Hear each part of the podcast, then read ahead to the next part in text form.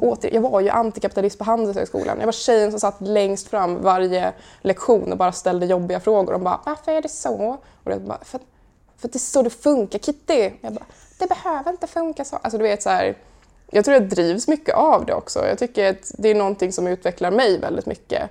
Ehm, att våga ifrågasätta, har alltid varit den. Och det är ju där återigen tack vare min fantastiska mamma. Hej och väldigt välkommen till avsnitt 62 av Klimatpodden med mig Ragnhild Larsson. Här får du möta forskare, aktivister, entreprenörer och alla andra som på olika sätt engagerar sig för att bromsa klimatkrisen. Dagens gäst är Kitty En, klimataktivisten och nationalekonomen som jobbar på ett finansbolag, men nu också är toppkandidat till EU-parlamentet för det helt nya partiet Vändpunkt. Partiet Vändpunkt bildades i mitten av januari av den tidigare miljöpartisten, EU-parlamentarikern och riksdagsledamoten Carl Schlüter. I början av mars hade partiet fått ihop tillräckligt många namnunderskrifter för att ställa upp i EU-valet. Jag träffade Kitty i Göteborg den 21 maj och eftersom det är val redan på söndag den 26 maj gäller det att få ut det här avsnittet ovanligt snabbt. Ja, jag har ju hittills bara haft en enda politiker som gäst, nämligen Isabella Lövin, vars pressekreterare hörde av sig och frågade om jag inte ville ha Isabella som gäst. Och det var ett erbjudande jag inte kunde motstå. Sedan hade jag en idé om att intervjua partiledarna inför förra riksdagsvalet. Men flera partier ville inte skicka sin partiledare utan någon annan eh, politiker och då gav jag upp. Jag tycker nämligen att frågan måste upp på den högsta politiska nivån. Men när partiet Vändpunkt dök upp eh, i början av året och verkade ta klimatkrisen på väldigt stort allvar och dessutom pratade om att vi behöver ett systemskifte för att mildra klimatkrisen så blev jag förstås nyfiken. Ja, det finns givetvis andra partier som prioriterar klimatfrågan men de får redan uppmärksamhet i traditionella medier och har råd att satsa ganska mycket pengar på sitt valkampanjande. Så därför valde jag att göra denna intervju med Kitty. Ja, just nu har jag flera poddintervjuer som väntar på att bli redigerade och publicerade. När jag började göra podden för snart fyra år sedan så hände inte så mycket på klimatfronten, vilket gjorde att ett avsnitt kunde bli liggande ganska länge utan att det gjorde något. Men nu händer väldigt mycket på kort tid, så en intervju kan snabbt, så en intervju kan snabbt kännas inaktuell och jag har faktiskt gjort om några stycken intervjuer av den anledningen. Men ha tålamod, jag publicerar så fort jag hinner. Om du gillar Klimatpodden och vill se till att den kan fortsätta komma ut så är du varmt välkommen att sätta in en valfri summa på Klimatpoddens eget Swishkonto 123 396 2974. Alltså 123 396 2974 Ja, Klimatpodden är ju helt reklamfri och det är fantastiskt roligt att få stöd av er som lyssnar direkt. Ett stort varmt tack till er alla. Som vanligt är du välkommen att höra av dig med synpunkter och förslag på ämnen och gäster. Och glöm inte att dela med dig av podden till andra som du tror eller kanske borde vara intresserade. Men nu är det hög tid att köra igång dagens avsnitt med Kitty En. Varsågoda. Välkommen till Klimatpodden, Kitty En. Nej, men tack så mycket. Vem är du? Oj, gud. Börjar direkt med de djupa frågorna här. Uh, nej, men uh, jag brukar väl eh, beskriva mig som att jag har varit antikapitalisten som tog en master från Handelshögskolan och klimataktivisten som jobbat i reklambranschen och jag är toppkandidat till EU-parlamentet eh, e för ett parti som vill förändra hela det ekonomiska systemet samtidigt som jag jobbar i finansbranschen. Lite av en mandrande motsägelse. Men jag tror allmänt är en människa som drivs av liksom en kanske lite konstig tro på att för att förändra det som man tycker är dåligt så är det väldigt bra att först bli expert på det. Så det är väl det min resa har gått ut på. Och hur väcktes ditt eh, klimatengagemang då? Mm, det började faktiskt väldigt tidigt för mig eh, när jag var, gud vad var jag, 14 kanske hemma i Karlskrona. Och det är egentligen två fantastiska kvinnor som är bakgrunden till det. Den första som så här sådde fröet till mitt engagemang var min lärare i samhällskunskap, ehm, L8. Gud vilken underbar människa. Ehm, som då pratade om klimatfrågan i skolan eh, där jag bara direkt blev mega deprimerad. Att jag bara herregud, håller planeten på att dö? Varför har ingen sagt det här tidigare? Men sen så gjorde hon också det fantastiska att hon visade en film om Gandhi direkt efteråt. Vilket ändå liksom gav hopp till att bara, ah, men shit, om en människa kan påverka så mycket då kan vi också påverka detta hotet. Liksom. Eh, och sen är det min mamma som har alltid stått där vid min sida liksom, i alla mina galna upptåg som ungdom. När jag som 16-åring startade min första miljöorganisation hemma i Karlskrona så var det hon som körde runt mig i hela Blekinge för att jag skulle ut och prata om hur viktigt det var med klimatet för unga. Och, och än idag så finns hon alltid där, vad jag än hittar på. Men hur, eh, hur blev du då politiskt aktiv? Alltså hur, hur hittade du eh, partiet som då heter Vändpunkt? Ja, åh, Vändpunkt. Uh, ja, Vändpunkt är ju då Sveriges yngsta parti som startade för bara några månader sedan. Uh, men det är också det enda partiet som har gett mig tro och hopp om det politiska systemet och möjligheten att vara liksom, ja, men faktiskt en bidragande faktor till den omställningen som måste till. Eh, för jag har precis som många andra människor varit politiskt deprimerad i flera år. Eh, jag tror alla i miljö och klimatrörelsen delar det. Att eh, dagens politiker har inte, de lyssnar inte på civilsamhället eller forskningen för den delen och de har inte förstått de utmaningar som vi står inför. Ehm, men när jag fick höra om partiet Vändpunkt då kände jag bara fan äntligen. Här är ett parti som vågar säga den obekväma sanningen och som inte bara vill försöka lappa och laga i samma i grunden trasiga system utan här är ett parti som säger den obekväma sanningen. Att vi måste ändra hela systemet för att kunna lösa klimatkrisen. Och det är precis vad vi i miljö och klimatorganisationerna liksom har stått och skrikit om i ja, x antal år nu. Och det här är första gången jag kände att det här är ett parti som har fattat. Mm. Vad, vad, vill du uppnå som politiker då? Om du nu kommer in i... Förändra hela systemet, vadå då? Casually. Uh, nej men fan, det handlar om det. Att vi måste få till en politik som följer det som vetenskapen säger gällande klimatomställningen. Men vi också måste också ha en politik som för människor närmare varandra. Som skapar en ökad tillit och trygghet i samhället. Att det kommer aldrig funka med en omställning som sker på någons bekostnad. Utan det är det som jag tycker också är så fantastiskt med partiet Vändpunkt. Att de har verkligen fattat grejen med en rättvis omställning. För att kunna lösa klimatkrisen så måste vi också liksom minska klyftorna mellan rik och fattig, mellan stad och landsbygd. För att vi måste vara starkare som samhälle för att kunna gå igenom den ändå jävligt tuffa omställning som vi måste. Um, så ja, det tänkte väl jag. Lösa klyftorna och klimatet. Um, men vad skulle du säga är den största skillnaden då um, när det gäller Vändpunkt och andra partier när det gäller just att hantera klimatkrisen? Jag skulle säga helhetssynen liksom, på eh, vilken viktklass vi måste ha på en klimatpolitik som ger oss en rimlig chans att hålla våra globala mål.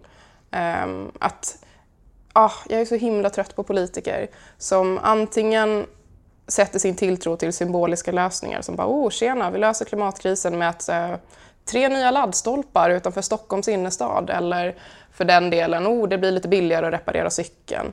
Eh, den här typen av symbolpolitik. Eller å andra sidan bara slänger allt ansvar på individen.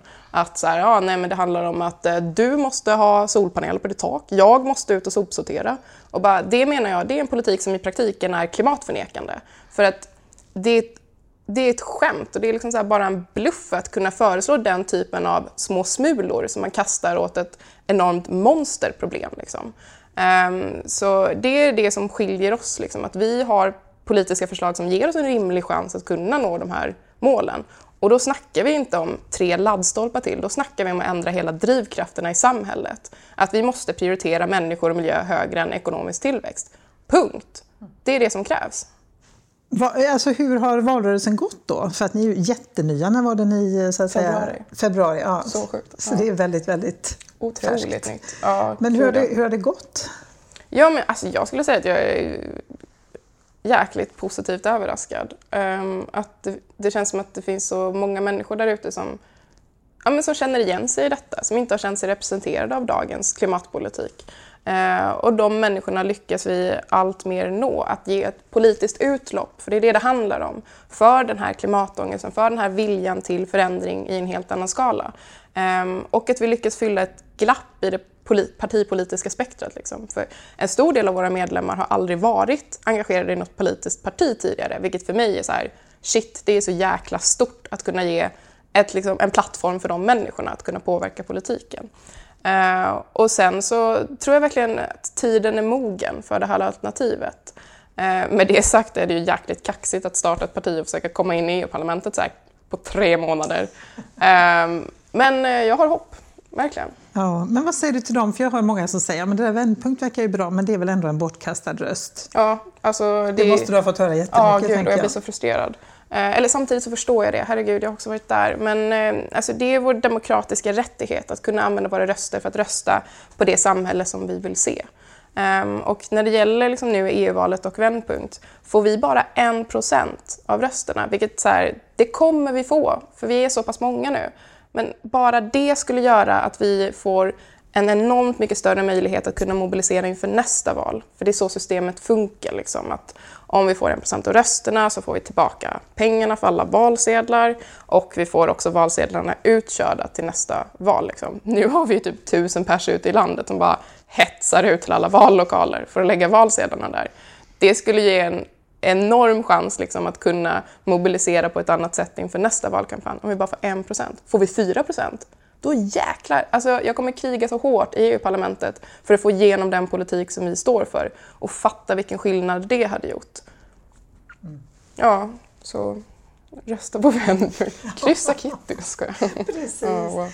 ja, när jag intervjuade Anders Wikman eh, så sa ju han just det där att eh, i EU-parlamentet finns det verkligen anledning att personrösta. Ja. Därför att man har ganska stor möjlighet att påverka som enskild ja. individ där, mer än i riksdagen till ja, exempel. herregud, för det, är inte samma, det är inte samma låsningar. Liksom. Nej. Um, det tror jag också verkligen att det finns ett utrymme att få igenom radikala förändringar på EU-nivå om man är en människa som liksom har den drivkraften, så att säga. Att man kan påverka i mycket större utsträckning. Och det är just därför som jag vill in i EU-parlamentet. För att vi måste, alltså det här måste gå så mycket snabbare, omställningsarbetet. Och då behövs det människor som krigar även i politiken. Det behövs politisk aktivism också. Mm. Vad, vad, är din syn på ja, hur de andra partierna hanterar klimatkrisen? Ja, min syn är ju typ att de är klimatförnekare i praktiken. Eh, eller det var väldigt hårt sagt. Det finns väldigt många partier som ändå driver på liksom, för en tuffare klimatpolitik. Men jag menar att det är också en majoritet av partierna som inte har förstått vilket allvar det är eh, och vilken förändring som egentligen behövs. Att det är väldigt många som återigen liksom har olika sakpolitiska förslag men det är ingen som riktigt driver tillräckligt hårt och har en plan för hur vi ska skifta drivkrafterna i samhället, vilket jag menar är själva grundorsaken till den här problematiska utvecklingen som vi har, både med de ökade klyftorna men också klimatkrisen. Och det är där vi måste göra någonting åt det hela. På vilket sätt, för du pratar om systemförändring och det är ju många som gör, jag menar Extinction Rebellion till exempel mm. pratar om att vi måste ändra systemet, ja. inte klimatet och just att det inte ligger på individnivå utan att det ligger på systemnivå. Mm. Alltså, vad, vad, på vilket sätt måste systemet ändras? Ja, det handlar ju om alltså, återigen drivkrafterna i det ekonomiska systemet. Alltså, jag blev ju nationalekonom för att jag insåg att klimatpolitiken handlar inte om klimatet, det handlar om pengar. Och då bara, då ska jag bli expert på pengar. Och eh, alltså herregud vad man slås av liksom, för varje dag i skolbänken, bara hur dumt det här ekonomiska systemet är. Det är byggt för liksom, så här, en helt annan tid, liksom, helt enkelt. En tid när vi, ja, precis som Anders Wikman sa också, eh, en tid där vi var liksom, otroligt mycket färre människor på planeten och liksom, så här, ändliga resurser var inte ett problem, det var inte ens på kartan då. Och ja, då funkade det väldigt bra på det sättet att det lyfte väldigt många människor ur fattigdom väldigt snabbt. Men i dagsläget så är det totalt hål i huvudet att ha samma mål och samma riktlinjer för vårt ekonomiska system samtidigt som vi har helt andra utmaningar vi måste lösa. Och då handlar det om att skifta eh, från att ekonomin som är nu är det liksom så här, ekonomin är någon form av så här självändamål, liksom. tillväxt är någon form av gudomligt som vi ser som en naturlag i samhället. Men vi måste komma ihåg att det ekonomiska systemet det är skapat av människor. Det är människor som kan förändra det. Eh, och där handlar det om att vi måste ändra hela prioriteringarna. Vi måste göra det till ett mål för hela ekonomin och hela politiken att rädda klimatet och att föra människor närmare varandra. För det är det som vi ser skapar verklig välstånd, om man nu vill ha det som någon form av mål för samhället, så är det genom att minska klyftorna. Det är genom att lösa klimatkrisen. Det är det som är det absolut viktigaste. Det är ingen som mår bättre av att vi har lite fetare BNP i Sverige. Alltså tvärtom, vi ser ju att Utöver existensminimum, när man kommer upp till existensminimum så finns det inte längre någon koppling mellan ökat materiellt eh, tillstånd och liksom ökad lycka eller någon form av välstånd överhuvudtaget. Tvärtom ser vi att den psykiska ohälsan ökar explosionsartat i samhället. För att det här systemet påverkar också oss i våra relationer mellan människor, såklart. Att vi, vi lever i ett kundsamhälle där vi alla är konkurrenter mot varandra för det är så systemet är uppbyggt. Och det är också någonting som vi mår piss av. Så det är klart att vi måste ändra detta för att kunna få en värld där människor får vara människor och inte kunder. Och där miljön får leva, bara den grejen. Liksom. Alltså det här kan man ju tycka då är självklart, men vad är det som gör, tror du, att vi har så svårt att tänka i nya banor? Att, att, uh, att hitta ett nytt sätt att organisera vårt samhälle och sådär? För att det är så många som gynnas av det nuvarande systemet. Och de som gynnas mest av det är också de som har mest inflytande i samhället. Jag tror det är så enkelt. Att det handlar om att för att ändra systemet så måste vi ändra på de som sitter på beslutspositionerna. Det låter ju som en ganska stor utmaning. Ja, gud ja, men klimatkrisen är ju en ganska, ganska stor utmaning kan man lugnt sagt säga. Eh, och ja, men det är därför det behövs, liksom, det behövs lösningar i en helt annan viktklass helt enkelt. Om du nu blir invald då i EU-parlamentet, vad är det första du kommer att göra tror du? Eller ni kommer att göra då? Eh, första, bli chockerad tror jag och bara hoppsan hejsan, vilken trevlig överraskning. Um, men sen handlar det ju om att liksom så här, hitta allierade för att kunna driva igenom en otroligt mycket tuffare klimatpolitik, att reformera EUs klimatpolitik i grunden. Det är det som är det absolut viktigaste. För fixar vi inte klimatet så har vi ingenting annat att fixa. Alltså, that's it liksom. Eh, så grundläggande är det. Så det kommer jag ju definitivt att lägga allra mest fokus på. Men också i att klimatpolitiken måste ske under premissen att alla människor räknas. Vad skulle du säga, vilken roll spelar EU? Alltså går det att göra någonting åt klimatkrisen på EU-nivå? Ja, men självklart. Alltså, det är ju den absolut viktigaste spelplanen vi har om vi kollar på oss liksom, ur ett svenskt perspektiv så att säga. För eh, alltså, Sverige, både när det gäller utsläpp men också när det gäller påverkan på den globala politiken, är ju ändå en väldigt liten spelare. Men däremot om man kollar på EU, så inte bara att vi står för en större del av utsläppskakan, alltså liksom har större impact på global nivå med våra utsläppsminskningar, men också när man kollar på vilken makt man har att påverka andra på global skala, så är EU en väldigt stor spelare. Det är en väldigt viktig konstellation, inte minst i klimatförhandlingarna, så spelar det väldigt stor roll vad EU gör. Och för att kunna vara en verklig föregångare i klimatarbetet på internationell nivå då måste EU våga göra det som krävs ur vetenskapens håll. För det är än så länge ingen som gör det. Och i Europa så har vi ändå helt andra förutsättningar att verkligen kunna göra en omställning också. Och genom att ta tillvara på det så kan vi också visa andra vilken väg man kan gå framåt. Tror du att det här valet blir ett klimatval? Ja och nej. Um, ja, som i att det ser vi ju ändå. Ehm, att klimatfrågan är det som eh, åtminstone liksom så här, i opinionsundersökningar visar att väljarna bryr sig allra mest om inför valet. Och att jag märker ändå att debatten har liksom kommit upp på en helt annan nivå, att man pratar om klimatet i den här valrörelsen. Ehm, mycket mer än vad man gjorde inför riksdagsvalet, tycker jag. Ehm, men sen så är det ju också ett ödesval på ett annat sätt, vilket är att vi ser att de extremhögern ökar. Ehm, att den typen av frågeställningar och den typen av uppmärksamhet är också eh, en väldigt stor konkurrent när man kollar på klimatfrågan. Ehm, och jag ser det som två akuta motpoler. Liksom. Ehm, och där handlar det också om att liksom, vi måste lyssna på även de väljarna och även de rösterna och erbjuda ett verkligt alternativ till dem. Eh, för jag tror det handlar grundläggande om, återigen om otillit och otrygghet i samhället. Alltså får människor att vända sig till den typen av alternativ. Och där måste vi erbjuda något ännu bättre. Alltså hur tycker du, hur har ni blivit, ni är då ett helt nytt parti. Hur har ni blivit, eh, vad har ni fått för genomslag i media? eh, mer än kanske vad man hade trott med tanke på att vi var väldigt snabba på att starta och ställa upp i val. Men eh, sen är det ju väldigt svårt, alltså det ska man inte sticka under stol med, för ett nytt parti att få exponering i media. Eh, eftersom att det är väldigt mycket fokus på de etablerade partierna som är, både sitter representerade i, framförallt de som är representerade i riksdagen, men även de som är representerade i större utsträckning i EU-parlamentet. Vi har ju också en EU-parlamentariker i partiet, Max Andersson. Men eh, det menar ju många medier att de räknade inte så Um, hur som haver. Jo, det är ju problematiskt ur ett demokratiperspektiv också att nya partier har så pass svårt att slå igenom medialt. Um, men samtidigt så kämpar vi också för att nå ut på andra sätt. Liksom. Att stå, det, är gamla, det är den gamla aktivistbanan som gäller. Det handlar om att komma ut på gator och torg, det handlar om att synas och det handlar om att prata med människor. Uh, för det är ju det är där politiken sker egentligen, i mötet mellan människor. Vad är det som driver dig att hålla på med detta? Man märker ju när du mm. pratar att du har ett väldigt starkt engagemang. Men vad är det som driver dig och får dig att fortsätta gå upp på morgonen och hålla på? det, är nog, det är nog ångest och kärlek tror jag, den härliga kombon. Eh, det är ångest för att jag, åtminstone jag, är sån att jag måste hantera min klimatångest genom att agera. Ehm, och känna att oavsett liksom resultatet av mina insatser så måste jag känna att jag åtminstone har försökt. Ehm, för att det är på något sätt liksom mitt existensberättigande. Att jag måste göra allt jag kan för att liksom påverka i den utsträckning som jag kan eh, för att bryta den här utvecklingen. Och sen kärlek också för att det handlar ju grundläggande om liksom så att bry sig om sina medmänniskor. Det är ju verkligen det att jag ser så många människor, bland mina vänner, bland min familj, som mår dåligt. Inte bara liksom för att de har klimatångest, för där är nog jag den största klimatnörden och klimatångestbäraren så att säga.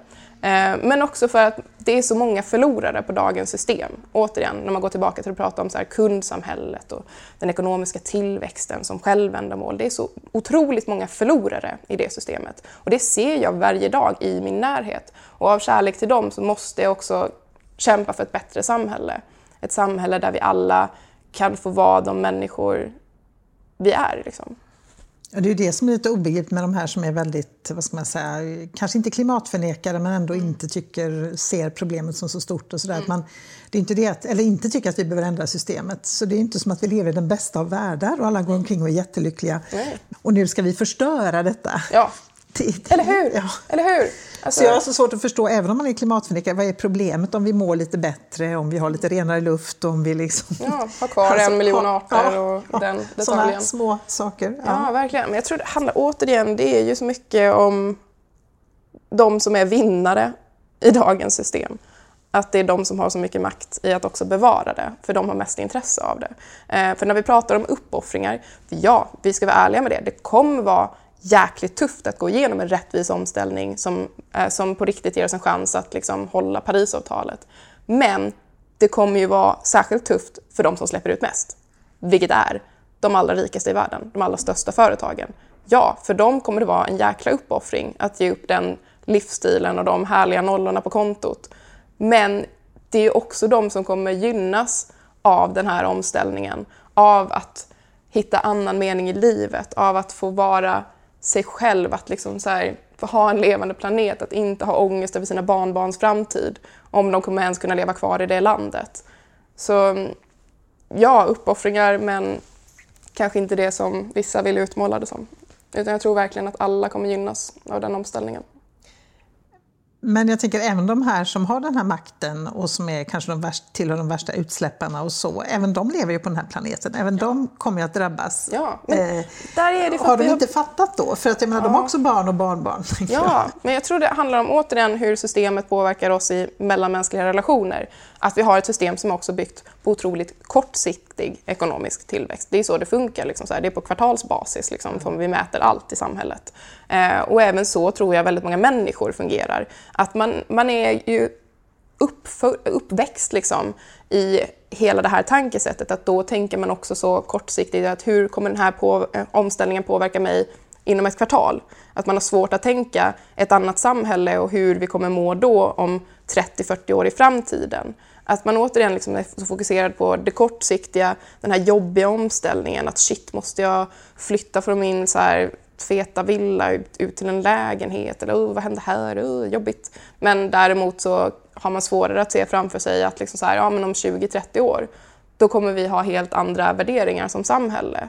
Vi kommer ha värderingar där vi, liksom så här, där vi faktiskt liksom så här värderar våra människor högre än vår ekonomi. Vi kommer liksom så här ha en levande värld. Vi kommer ha luft som vi kan andas. Vi kommer ha arter kvar. Vi kommer ha liksom så, här, så mycket mer på lång sikt. Men jag tror att man har svårt att tänka längre än det kortsiktiga. Mm. Vi har inga visioner av hur det här, bilder av hur det här samhället ska se ut. Nej, precis. Men skulle du säga att ni är bra på att förmedla de visionerna då? För det pratar man ju också ganska mycket om. Alltså, politiska partier kritiseras väldigt mycket idag för att man inte har visioner. Ja, oh, herregud ja. Oh, gud, ja. Uh, och gud, jag håller med om det. Men jag hoppas på det. Jag, alltså, jag känner ju i alla fall det. Att så här, visionen bakom partiet Vändpunkt var mycket en anledning till att jag gick med i partiet. För att det var ett samhälle som vågade ha en vision utöver det normala just nu. Um, så jag, jag, jag, tror och hoppas det och att det kan vara någonting som väldigt många människor relaterar till. Um, att man är trött på det här kundsamhället. Att man vill ha en värld där vi ser att elever får vara elever och inte kunder. Där patienter får vara människor och inte bara pinnar i någon form av new public management-system. Men vad gör vi då åt... Eh, det är ju lätt att leva i sin egen lilla bubbla. Man träffar de som är engagerade som man mm. själv är och som har fattat. Mm. Eh, men så fort man rör sig lite utanför den här bubblan så kan man ju ibland förtvivla och känna att det är kört. Därför att så många verkar inte fatta eller bry sig. Hur, har du något recept för hur man når de här människorna? Oj, vilken bra fråga. Jag jobbar ju i finansbranschen, återigen. Den är kul. Eh, uh, ja, men där är ändå ett perfekt exempel. Shit, jag hade så mycket uh, ångest över hur mina kollegor skulle reagera på detta. Att jag går med i ett parti som vill för kraftigt höjda bank och kapitalskatter, vill förändra hela ekonomiska systemet och du vet, uh, går emot väldigt mycket av liksom hela näringslivet och särskilt finansbranschens vilja. Eh, men bara där har det varit så otroligt många av mina kollegor som har kommit fram till mig och bara “Nej men gud vad spännande, kan inte du berätta mer om det här partiet?” ja, “Tillväxtkritik, hur funkar det i praktiken?” och du vet så här, där sitter vi liksom i en matsal i liksom så ett stort finansbolag i Sverige och pratar tillväxtkritik. Ehm, så jag, tror det handlar om att man måste öppna upp för den typen av samtal ehm, som är utöver det normala, liksom, i lunchkafeterian eller för den delen när man träffar vänner av olika slag. Um, eller bara allmänt när man är ute och rör sig i samhället. Att vi måste skapa en kontext där vi kan prata om sådana saker som vi kanske inte nödvändigtvis håller med om. För det är väldigt mycket, särskilt i Sverige, liksom, så är man väldigt rädd för konflikter. Um, eller snarare inte ens konflikter, utan man är rädd för att inte hålla med varandra. Och där måste vi skapa liksom så här en högre tillgänglighet i samtalet mellan människor, att det är helt okej okay att inte hålla med varandra. Men istället för att bara stå och liksom så här hålla sin monolog så måste vi öka liksom så här dialogutrymmet och spannet mellan vad som är okej okay att säga till varandra. Vi måste våga liksom så här provocera i samtalet mellan andra människor. Det, det, är det som är själva hörnstenen i en levande demokrati. Och det är det som är själva syftet med att ha yttrandefrihet, att man ska få yttra sig fritt, att man ska få stöta och blöta sina åsikter mot varandra. För det är då vi blir bättre som samhälle. Alltså det finaste vi som människor kan göra är ju att ändra åsikt. Alltså bara det är ju fantastiskt för att man får ett nytt perspektiv, för att man får en ny kompetens inom någonting. Det är det som får oss att utvecklas och gå framåt. Så jag tror det handlar om att öppna upp utrymmet för den typen av samtal och att våga lyssna även från eget håll på saker som man inte alls håller med om och låta människor prata till punkt. Och våga vara obekväm då. Ja, mm. ja gud ja. Mm. Men det är intressant, jag har faktiskt inte tänkt på det förut, just den här konflikträdslan, vad den gör ja. när det gäller klimatfrågan, ja. klimatkrisen. Att vi har så svårt att, att våga vara obekväma och våga ställa de där frågorna. Hur kommer det sig att du flyger till Thailand ja. nu? Har du ingen klimatångest? Ja, verkligen. Jag intervjuade Maja Rosén bakom Flygfritt, eller Vi stannar på marken. Mm. Och hon sa just det, hon tyckte själv att det var jättejobbigt i början men sen gav hon sig själv nyårslöfte att hon skulle prata mer med människor och fråga, just ställa öppna frågor. Är du, är du orolig, inte orolig för klimatkrisen? Ja. Eller det var ingen öppen fråga förresten. Men, men hur känner du för klimatkrisen? Ja, precis. Och det är ju ändå en början då på ett samtal, tänker jag. Ja, men det tror jag och våga röra sig utanför sin egen bubbla, för det är väl det. Ja. Det blir ju lätt att man ja. stanna där för att det känns tryggt och bra. Gud ja, särskilt när det gäller människor man inte känner så väl. Med alla liksom bekanta omkring sig, att då hamnar man i det där hisspratsfacket liksom, med olika människor. Istället för att prata om det som verkligen betyder någonting för oss. Vilket är liksom vad vi oroar oss för, vad vi drömmer om. Och det är det som är de verkligt intressanta samtalen också. Ja, jag, jag, tror det bara handlar om att utmana sig själv och våga ta de jobbiga samtalen tills de inte är jobbiga längre. Men vad får du för reaktioner när du gör det? Du sa i finansbranschen till exempel, bland dina kollegor, om du då börjar prata om det här med tillväxt och så, eller ja, tillväxtkritik mm. och så. Hur reagerar Det är lite olika från person till person kan jag säga. Uh, nej men det var, alltså gud, jag blev chockad att de vågade anställa mig i början. Jag har ju så skrivit jättemånga artiklar om så här, antikapitalisten på Handelshögskolan och du vet så här, varit väldigt uh, ändå synlig i de frågorna. Men de bara tyckte det, bara, men du är perfekt för oss och bara, så jäkla kul. Um, men det är klart att det är lite olika med olika människor. Men jag tror att jag är så jäkla van vid att göra folk obekväma. Uh, just för att jag har tränat mig till det. Att jag är den tjejen som bara går runt och bara pratar om min klimatångest överallt. Och, um, har liksom vant mig vid att stöta blöt. Alltså shit, jag var ju så här, åter, jag var ju antikapitalist på Handelshögskolan. Jag var tjejen som satt längst fram varje lektion och bara ställde jobbiga frågor. De bara, varför är det så? Och jag bara, för, för att det är så det funkar, Kitty. Jag bara, det behöver inte funka så. Alltså du vet så här, jag tror jag drivs mycket av det också. Jag tycker att det är någonting som utvecklar mig väldigt mycket. Ehm, att våga ifrågasätta, har alltid varit den. Och det är ju där återigen tack vare min fantastiska mamma som alltid liksom uppmuntrat mig redan liksom från barnsben till att ifrågasätta, till att kritisera eh, och att tänka självständigt. Att det är någonting som verkligen har belönats under hela min uppväxt och någonting som jag, ja ah, shit, något som jag värderar jättehögt.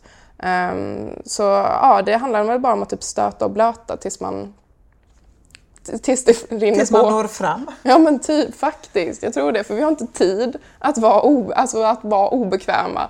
Eh, eller obekväma i som i att inte våga ta samtalen. Vi har inte tid att liksom så här, eh, sitta och tänka på hur folk kommer döma oss om vi säger si eller så. Utan vi Tassa måste, ja, vi måste bara alla höja våra röster och ta alla samtal och alla chanser som vi kan att prata om det här otroligt viktiga. Vad gör, dig, eh, vad gör att du tvivlar då? På att, eh, för du pratar om det här att oavsett om vi lyckas eller inte. Mm. Eh, sen är det såklart en skala tänker jag. Det är inte så att antingen lyckas vi eller så misslyckas vi. Mm. Det finns ju massa grader i det där. Mm. Men vad får dig att tvivla på att det kommer att gå bra? Wow, det är verkligen olika från dag till dag liksom, vilken nivå man möter mig på. Men jag tror att allmänt det som får mig att tvivla är ju hur starkt upprätthållet det här systemet är. Hur få det är som pratar om själva grundorsaken till problemet. Även de som är liksom så här framstående klimatkämpar, oavsett om det är näringslivet, civilsamhället och så vidare, så har man inte den förståelsen kanske um, i att det är så långt som vi måste gå. Vi måste förändra systemet. Um, och även att vi kanske saknar mycket av den kompetensen. Alltså, återigen, jag blev ju nationalekonom för att jag såg att vi behöver fler nationalekonomer i klimatrörelsen, akut. Och då bara, ja, då får jag väl ta den smällen då, rackarns. Um, ehm, och eh, det är ju så otroligt viktigt att ha den kompetensen. Jag skrev ju min masteruppsats om eh, alternativa ekonomiska system Eh, och tänkte att jag skulle skriva om miljörörelsens olika, de största globalt, eh, miljöorganisationerna, deras syn på ett hållbart ekonomiskt system. Eh, och efter en vecka så var jag tvungen att lägga om hela uppsatsen för att det var ingen som hade någon plan på ett alternativt ekonomiskt system. Det var ingen som hade överhuvudtaget liksom så reflekterat så mycket. Alla drev på. Oh, Oj, nu Oscar det här, vilket är lite roligt. Ja. Jag har liksom som signatur har jag ju Oscar. Nu får du det au naturel. Ja, precis. Fint bakgrundsljud där. Ja. Ja. Um, Nej men att, shit, det var en sån väckarklocka för mig. Att liksom inte ens våra liksom så mest framstående miljö och klimatorganisationer har någon form av plan för hur vi ska fixa detta. Alla fattar att ekonomin är ett enormt problem, att vi måste ställa om för att kunna nå klimatmålen. Men ingen har den kompetensen eller liksom så här, det drivet att kunna ta fram planen dit. Och det är därför jag tycker återigen liksom att partiet Vändpunkt ger ett utlopp för det och verkligen förståelsen för vilken kompetens och vad som krävs för att kunna nå en rättvis omställning på riktigt. Men vad tror du det beror på den här bristen då på visioner eller hur man då ska göra? För det låter ju ganska, det låter som politikens uppgift verkligen. Men jag tror det handlar väldigt mycket om vilken typ av människor vi är. Att om man är en sån människa som brinner mycket för miljö och klimatfrågor, då kanske man går mer mot naturvetenskapliga, alltså så här, utbilda sig till någonting som har direkt med de frågorna att göra. Som exempelvis som biolog och så vidare, liksom, att det är en naturlig väg att gå för att liksom även få jobba med sitt engagemang i vardagen. Eh, och sen så har vi de som går till Handels, som jag, som drivs av helt andra saker. Det är en naturlig väg att gå om man vill bli investment banker på McKinsey eller Ernst Young och så vidare. Att olika utbildningar eller olika så här, kompetenser lockar olika människor. Um, alltså det är ju klart att det var jätteobekvämt för mig första dagen på Handel, så bara, ah, här sitter jag som en tjomme. Um, men att det är det som måste till, att vi måste börja blanda våra åsikter och blanda våra kompetenser i en helt annan skala för att få till de här nya lösningarna. Det är inte bara i nationalekonomin vi behöver nya perspektiv och nya lösningar. Alltså vi måste börja tänka och agera tvärfunktionellt i allt vi gör egentligen. Skulle du säga att det behövs fler ekonomer och nationalekonomer i politiken? Ja, det skulle men eh, fler klimataktivist, ja, nationalekonomer. Ja, jo, det är viktigt. Fler nationalekonomer, det vet jag tusan. Eh, men med rätt inställning och rätt eh, plan för att kunna få till den hållbara omställningen av det ekonomiska systemet. Ja, definitivt behöver vi den kompetensen. Och även i miljö och klimatrörelsen generellt. Eller kanske främst att det är nationalekonomerna som behöver oss. Alltså, de behöver klimataktivister. Så är du det, sök till Handels. För guds skull, gör det. Du, vad, vad ger dig hopp då? Men det är alla, alltså, vår fantastiska rörelse. Alla andra människor som brinner lika mycket för detta. Som går ut och sittstrejkar för klimatet. Som verkligen lägger sina liv, sin tid, sin energi på de här frågorna. För att det är så otroligt viktigt. Alltså det är det som ah shit, jag blir så här tårögd när jag tänker på det, vilka fantastiska människor och liksom hur mycket folk kämpar för den här förändringen. Att jag har aldrig känt mig ensam i det, inte en enda dag, för att det finns så många människor omkring mig liksom, som delar detta och som också driver på för samma förändring. Vilken roll eh, spelar aktivisterna då för en förändring skulle du säga? En avgörande roll. Alltså definitivt. Um, med det sagt så måste vi återigen också skapa politiska utlopp för aktivisterna för att vi måste få politiska reformer för att det, det, det är så pass kritiskt liksom, med omställningen. Det måste till så pass fort att vi behöver politiska beslut. Um, men det har vi ju sett, liksom. alla större samhällsförändringar har ju aktivister spelat en otrolig roll för att driva på opinionen. Särskilt liksom så här, vi bor ju ändå i en demokrati. Um, demokrati är folkets styre och genom att skapa en opinion, vilket är det som aktivisterna gör, då kan vi sätta press på politikerna för att kunna fatta de besluten som krävs. Så jag tycker det är så jäkla viktigt. Men vad, man kan ju bli lite deppig då när man ser att det här bensinupproret då får flera, på jättekort tid, får några hundratusen anhängare. Mm. Och så har vi då till exempel Flygfritt eh, som kämpar för att nå upp i 100 000 och inte lyckades med det förra gången, kanske den här, det här året. Mm. Eh, eller bara se hur många som är aktiva i till exempel Extinction Rebellion eller andra mm. som ägnas ja, olika aktivistgrupper. Eh, ja, hur hanterar man det? Ja, men där kommer jag in på något svinspännande. För där tycker jag allmänt att det är väldigt problematiskt även i vår lilla miljöbubbla debatten kring bensinupproret. För jag tror att där måste vi kolla på själva orsaken till människors missnöje. Vilket är att vi har en klimatpolitik som har slått väldigt hårt på de människor som har allra sämst förutsättningar. Att det är återigen liksom så här, att vi måste koppla samman klimat med minskade klyftor. För annars så får vi de här um, det här glappet mellan människor som skapar missnöje, som skapar otrygghet, som skapar bensinuppror. Um, det såg vi ju likadant med gula västarna. Um, och därför går det inte att höja bensinpriset och bara säga att nej men tjena, att min mamma som bor på landsbygden ska köpa en elbil för några 400 000 som hon inte har. För grattis, det finns ju ändå en laddstolpe ungefär 30 mil därifrån. Samtidigt som man stänger ner man stänger ner vårdcentraler, man stänger ner skolor, man stänger ner all typ av samhällsservice på landsbygden som gör att människor måste transportera sig ännu längre för att kunna nå grundläggande samhällstrygghet. Uh, oh, oh, jag brinner verkligen för detta. Men, så därför måste vi ha även en omfördelning i klimatpolitiken. Det är därför vi driver på för en glesbygdsbonus, för att ha en levande landsbygd. Så att de inte ska bli förlorare på den här utvecklingen. Uh, och det som bensinupproret gör så bra är ju att man tar det till något så vardagligt. Det är något så abstrakt som i en ilska och besvikelse över samhället, men man gör det så konkret genom att säga att det här är dåligt. Nu fokuserar vi bara på detta. Och det tror jag är något vi i klimatrörelsen kan lära oss av. Alltså definitivt. Och att det handlar om att vi måste också kunna prata på ett sätt som berör folk i deras vardag. Att vi kan inte bara fortsätta prata om så här, solceller och liksom så CO2-skatter och prata lite metangasutsläpp utan vi måste använda ett språkbruk som berör människor i sin vardag. För faktum är att vi måste få med en majoritet av befolkningen på hela jorden på den här omställningen. Det, det, det, är så pass många som vi måste få med på detta. Eh, och för att lyckas med det så måste vi kunna kommunicera på olika sätt också med olika målgrupper. Alltså jag tycker att vi kan bli väldigt navelskådande ändå i klimatrörelsen. Eh, alltså, jag älskar klimatrörelsen, jag gör det. Men det blir väldigt mycket predika för kören när man använder den här typen av retorik och när man inte även har det här klassperspektivet i ehm, de olika förslag som man driver. Att vi måste se till att alla gynnas av den omställning som vi driver igenom. Vad är annars syftet med den? Om, äh, ja, um, så ja, det tror jag. jag tror att vi kan lära oss av det, att vi måste bli bättre på att nå och beröra människor och ta människors otrygghet och missnöje på allvar. Ja. Ge ett annat utlopp för det.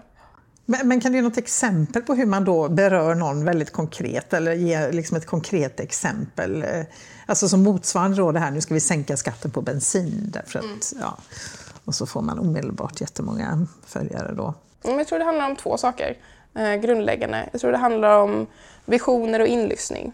Att så här, visioner är någonting som ändå, när man pratar exempelvis om liksom ett samhälle som prioriterar dig och mig högre än att eh, Volvo ska få ytterligare några miljarder i vinst.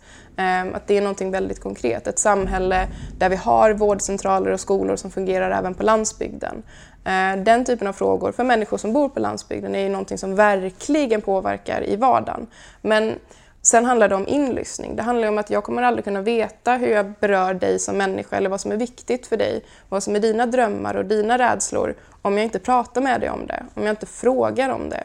För det är först då som man kan koppla samman att bara vad som är liksom så här, om man exempelvis pratar med någon som jobbar inom vården, um, ja, men då kanske det handlar om att liksom så här, det faktum att vi har ett system, liksom New Public Management, som gör att man inte har tid till sina patienter. Samtidigt är man en medmänniska som bryr sig så jäkla mycket att man håller på att bränna ut sig för att man trots systemet ändå ser sina patienter som människor och vill ge dem den bästa behandlingen som är möjlig.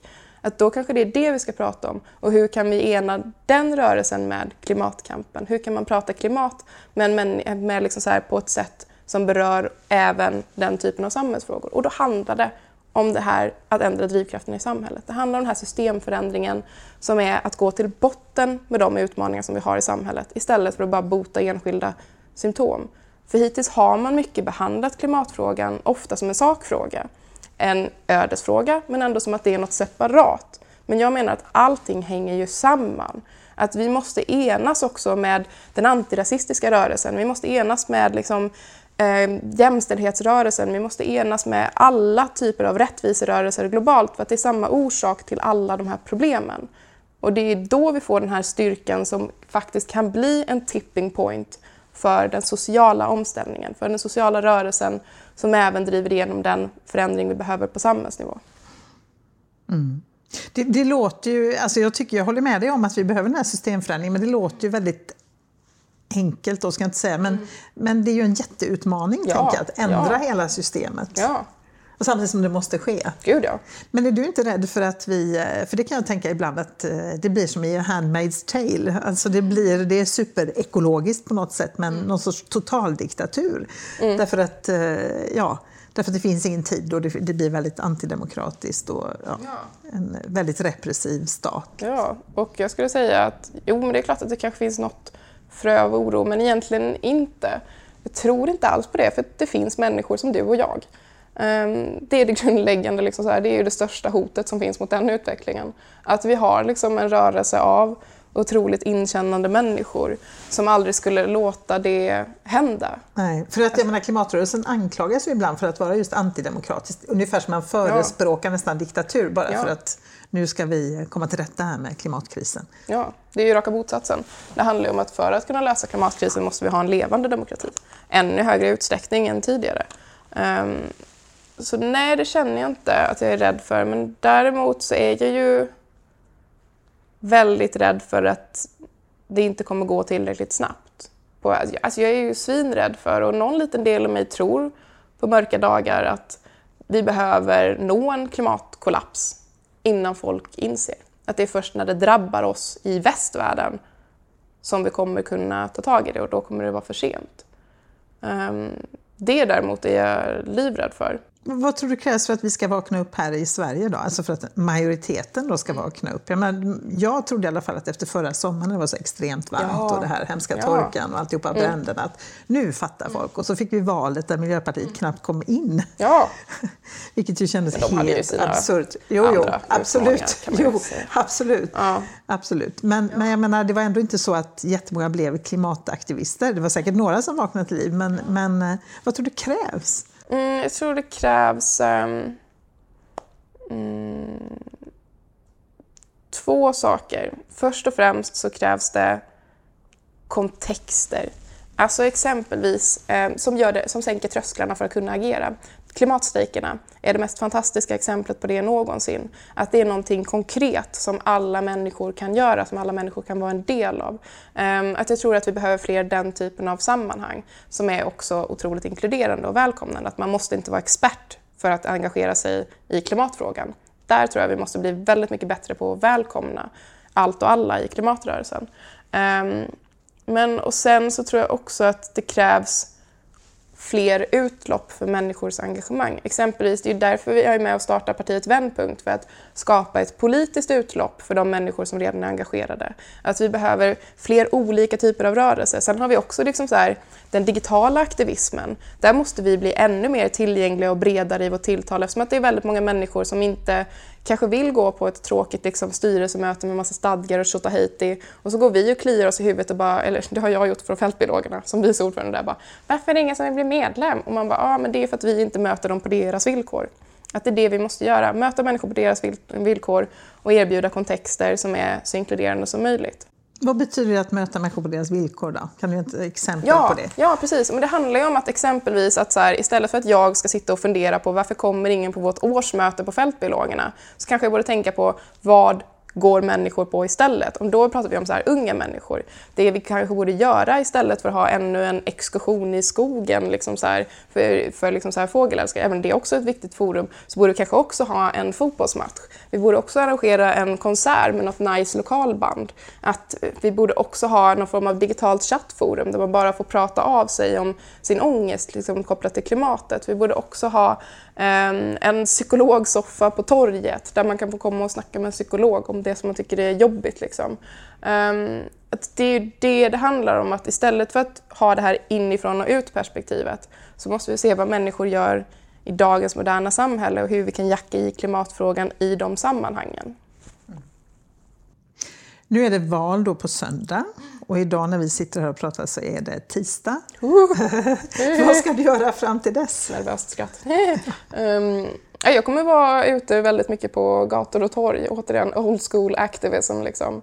eh, mötet mellan människor. Så idag kommer jag vara kampanja på Järntorget här i Göteborg och sen kommer jag även åka till Gävle och kommer vara runt i Upplands Väsby och eh, eh, självklart liksom Rissne, Sundbyberg runt omkring i olika förorter i Stockholm för att nå så många människor som möjligt och prata med dem. Och sen lite digital aktivism vid sidan av, tänkte jag. Försöka vara lite modern. Eh, ja. Men du har också sagt att det viktigaste är inte att ni kommer till makten. Nej, det är det som är det fina. Åh, oh, jag älskar Vändpunkt. Uh, eh, att det viktigaste för, att makten är inget självändamål heller för den delen, utan det viktigaste är att vi får igenom våra förslag. För det är det som vetenskapen kräver, så enkelt är det. Um, så definitivt, liksom, det är också väldigt skönt nu inför EU-valet att det gör otroligt stor skillnad om man lägger sin röst på partiet Vändpunkt skulle det betyda hela världen. Men oavsett hur det går i valet så kommer vi fortsätta kämpa, vi kommer fortsätta kriga för den utvecklingen som vi vet att samhället behöver. Eh, och redan nu ser vi att flera andra politiska partier har börjat ta upp våra förslag. Vi var de första som ville utropa klimatnödläge och nu är det flera andra partier som är på den pucken. Fantastiskt! Det är ju svinnice! Tänk om alla partierna bara kunde liksom så driva på den klimatpolitik som vetenskapen och folket kräver. Det hade varit min dröm, verkligen. Och då spelar det ingen roll om vi sitter i riksdagen eller inte, så länge politiken blir genomförd. Det var jätte, jättespännande att få sitta här och prata med dig och jag önskar dig lycka till. Tack, behövs.